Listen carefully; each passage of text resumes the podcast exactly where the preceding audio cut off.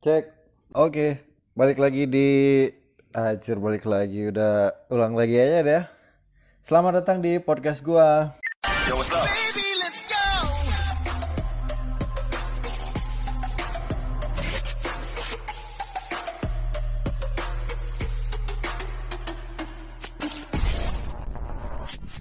selamat datang di edisi ini yang keberapa ya? Gua nggak tahu, gua nggak pernah ngitung podcast gua udah, udah yang keberapa soalnya suka ngacak gitu kan.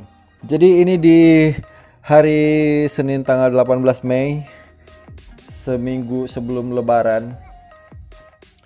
Eh, gue ngomongin hari ini hari ini lagi rame tentang apa ya eh, flashback dulu ya tentang hari ini hari ini lagi rame tentang Rizal aduh anjing itu eh, anak yang dari apa Sulawesi kok nggak salah ya daerah Sulawesi sana. Dia dia anak kecil jualan dibully. Aduh kasihan banget. Eh sedih sih ngeliat video. Cuman yang ngebulinya tuh di itu eh, jadi Rizal ini anak kecil gendut gitu. Eh, lu, lu, lu pasti tahu pernah lihat videonya karena tuh eh, viral di mana-mana. Sampai masuk lembut turah juga kan lembut turah Eh, terus yang ngebulinya tuh umur udah udah tua kan maksudnya udah umur dewasa gitu udah 26 tahun gitu. Sedangkan ini anak kecil 12 tahun dan dia dibully. Tapi ya eh, syukur sampai dengan hari ini Uh, udah banyak yang ngebantuin dianya terus pelakunya juga udah ditangkap. Dan mudah-mudahan ya hukum di kita nih nggak nggak sesuatu yang kayak gini nih kasus-kasus yang viral kayak gini nggak cuma ditangkap untuk formalitas dan minta maaf terus apa kalau bahasa sekarang ada ada sebutannya tuh di Twitter uh, lingkarannya tuh uh, ngelakuin hal bodoh viral terus minta maaf terus tanda tangan materai gitu-gitu. Nggak ngerti deh. Eh, semoga ka- karena ini katanya sampai masuk eh, jadi tersangka per hari ini tadi gue ngeliat. Dan semoga ya maksudnya ya ada penegakan hukum lah penjara lah minimal berapa gitu setahun setahun kayak gitu kehilangan pekerjaannya karena karena dia harus menerima gue gue ngerasa gini ya dia harus menerima konsekuensi atas apa yang dia lakukan. Kalau enggak dia akan orang tuh kan karakternya kayak gitu gitu. Dia melakukan hal yang seperti itu. Apalagi si si pelaku ini udah ngebully si Rizal ini katanya bukan sekali sekali ini doang. Cuma kebetulan yang kali ini uh, di videoin jadi eh, tersebar gitu dan jadi viral gitu. Sebenarnya udah sering dia ngebully si Rizal si anak kecil ini gitu sama si pelakunya siapa namanya gua gua nggak tahu Bo- bodoh amat lah gitu. Nah itu tuh karakter kalau menurut gua. Jadi kalau misalnya untuk ngerubah itu tanpa tanpa ada sanksi yang dia terima ya susah. Kalau misalnya dia cuma viral kena sanksi sosial doang ya nggak bisa men. Dia secara mindset alam bawah sadarnya dia akan akan karakternya akan seperti itu terus gitu. Gue tahu dia tertekan pastilah ngerasa bersalah apa nah, terus ngerasa kayak eh semua semua beban ada di lo gitu. Kayak ya udah lo, lo you deserve it man gitu karena karena ada yang harus berubah karakternya itu harus harus di- diperbaiki gitu. Jadi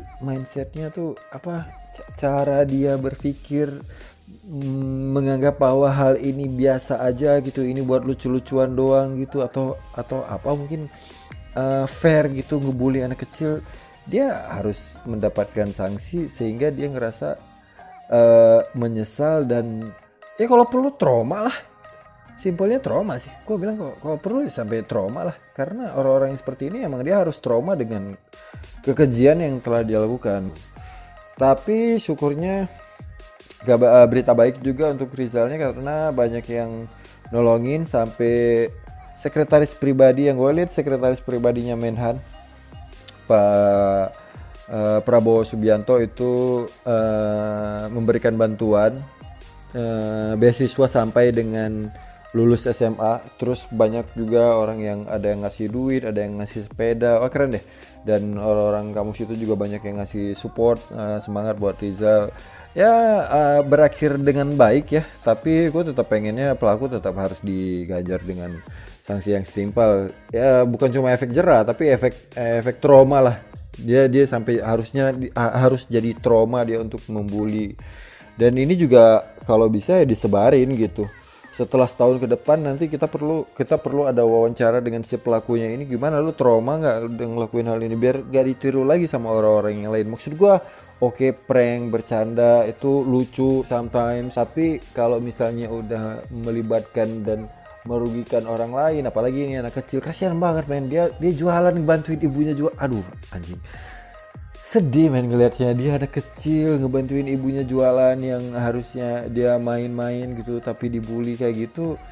Nah, kita perlu tahu nih pelaku nih setelah kena sanksi lo lo trauma nggak? Biar jadi pelajaran buat yang orang lain. Karena ya kalau lu ngeprank ngebuat lucu-lucuan sampai dengan merugikan dan dan menyakiti orang lain itu udah nggak lucu lagi men. Kayak gak tau gue ke, ke, kapan ya gue rasa kemarin kalau nggak salah gue sempat nge kayaknya Coki sounds relevan ya sekarang gitu.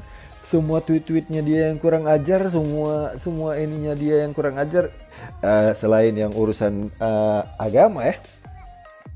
Selain yang urusan agama yang yang tweetnya yang tidak bermoral mo, tidak bermoral dari Coki kayaknya kayaknya lebih relevan ya lebih lebih bisa di diterima gitu daripada orang-orang yang bercanda di di sosial media yang sekarang. Ya terakhir kemarin banyak lah.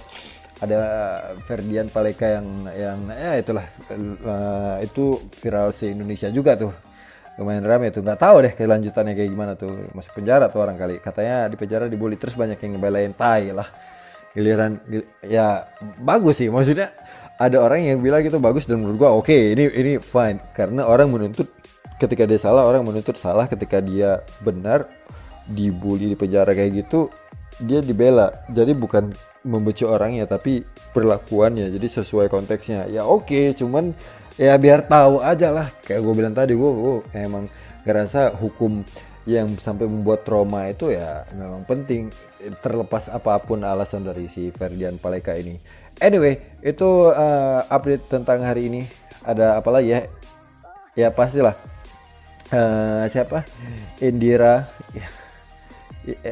Indir Indira Kalista. Asik. Indira Kalista masih menghiasi layar kaca kalian nih pasti di sosial media.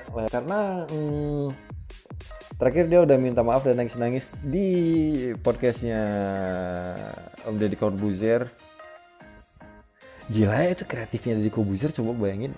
Dia langsung ngontek langsung mikirin mau ngomongin apa gitu. Tapi gue nggak nonton deh karena ya pasti lah udah udah tahu lah pasti udah banyak banget kan kasus-kasus kayak gitu. Nangis nangis apa segala macam yang gua yang gua lucu gua nggak tahu gua kan awalnya ngelihat uh, di YouTube-nya Grita kan nggak ngelihat juga cuma sempet rame di Twitter juga. Si Indira ini ngomong seperti itu uh, terus gua nggak tahu ya gua mikirnya ya udah ini aw awalnya gua nggak kenal terus rame diomongin oh beauty beauty beauty vlogger oke? Okay. ya nggak jadi masalah cuma gue nggak kenal sama lo dan akhirnya oh ternyata uh, subscribe dan uh, follower di Instagramnya jutaan men. Jutaan.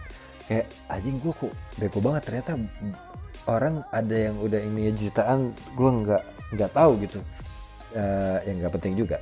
Anyway gue mikirnya cuma ya satu orang cewek bodoh yang uh, lagi naik aja gitu. Ya oke okay fine. Akhir yang sampai akhirnya uh, eh, gue tahu ternyata dia istrinya Autap. Istrinya Autap. Autap ini aduh buat uh, yang udah nonton YouTube dari lama ngikutin youtuber youtuber dari lama mungkin tahu kasus yang sempat sama Rando ya. Rando the the the Lord of Hate mungkin youtuber yang paling yang paling yang pertama di hit itu kayaknya Rando deh. Sebelum yang like sebelum Atta dulu ada Rando men. Nah dia sempat bermasalah sama Rando. Ternyata masih hidup orang. Nikahin nih cewek. Mas gue oh ternyata ini emang pasangan ya toksik lah. Nah dia dia uh, si AA Utap ini. Iya.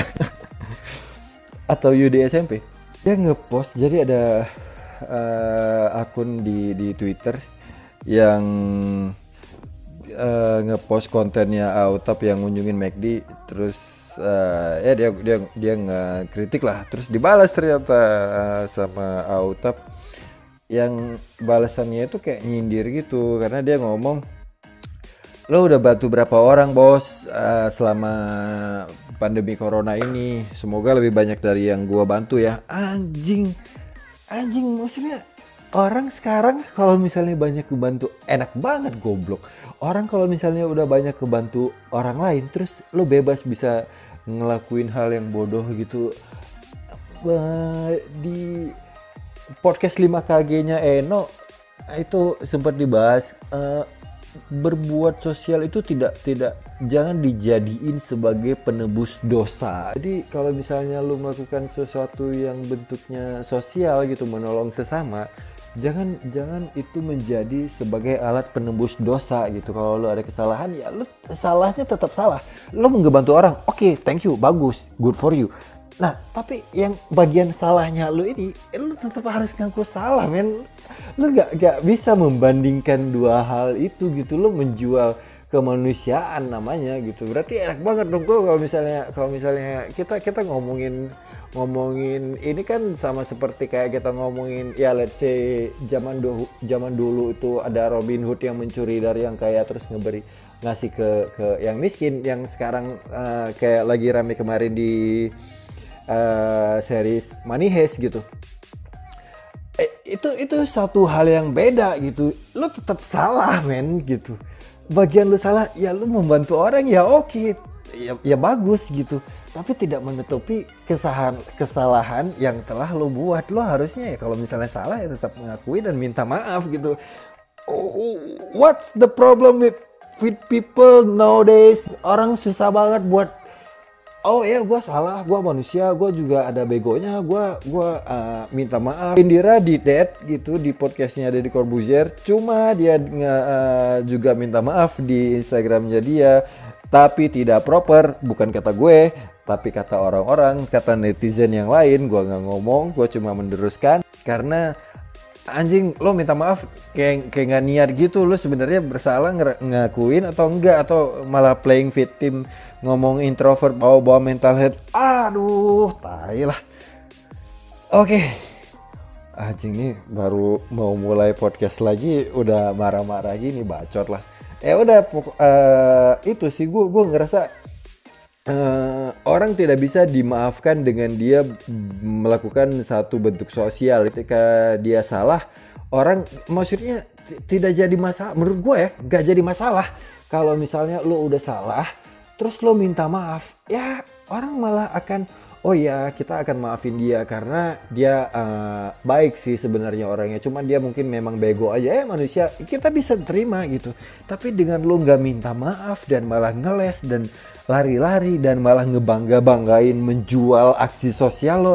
Itu anjing sih gue bilang. Anjing sih parah tuh. Jadi ya uh, uh, karena gue juga gue juga banyak melakukan hal yang bodoh gitu. Gue juga setiap hari nge-tweet dan gue ngerasa ada satu titik gue gue nge-tweet anjing gue gue lagi kesel gue nge-tweet parah gitu misalnya atau apa gue nge-tweet. Kasar yang yang akan yang menurut gue setelah nanti sebulan atau dua bulan atau setahun ke depan ketika gue ngelihat lagi tweet itu gue akan ngerasa anjing gue bego banget gue ngapain sih ngomong kayak gini gitu baik baik itu yang yang maksudnya ya hal-hal bodoh yang pernah gue gua katakan gitu dan gue yakin orang juga uh, melakukan hal yang sama gitu Nah terus apa salahnya gitu? Oh ya sorry gue minta maaf gitu. Gak usah gak usah dibelokin ke sana kemari gitu. Tinggal tinggal men gak susah men ngomong maaf gitu apa susahnya sih? Bangsa kita kayaknya kayaknya susah banget gengsi banget gitu buat ngomong maaf gitu. Ya asal jangan setiap hari lo melakukan kesalahan terus lo ngomong maaf lagi ya itu namanya that's another stupidity gitu. Ya nggak gitu sistem bekerjanya gitu. Tapi kalau misalnya ya sekali-sekali lo uh, salah ngomong slip of tongue itu biasa menurut gua gitu. Jadi ya tinggal ya sorry men. Gue salah gue minta maaf. Sorry kalau misalnya udah ngerepotin lu semua. Uh, eh, gue minta maaf. Ada hal-hal yang mungkin gue harus mikirin dulu. Ya sesimpel itu kita kenapa susah banget minta maaf men gampang minta maaf tuh gampang lu tinggal minta maaf aja gitu Oke, semua jangan takut lu, lu, lu, turunin dikit kayak ego lu gitu. Lu lu lu siapa sih? Lu lu bukan siapa-siapa juga gitu. Kenapa? Kenapa susah banget minta maaf? Yuk, kita biasain mulai dari sekarang. Anjing, kenapa kenapa podcast gue jadi jadi ada isinya gini? Enggak, bodo amat. minta maaf lo minta maaf sama orang-orang terdekat lo seenggaknya gitu deh oke Ja- jangan jangan gengsi buat minta maaf jangan takut buat minta maaf karena itu itu nggak bikin lo jadi jadi kecil itu nggak membuat lo menjadi manusia yang kecil gitu. Kebodohan lo kesalahan lo mungkin iya akan menimbulkan resiko tapi dengan lo minta maaf itu akan meminimalisir resiko yang lo dapat itu men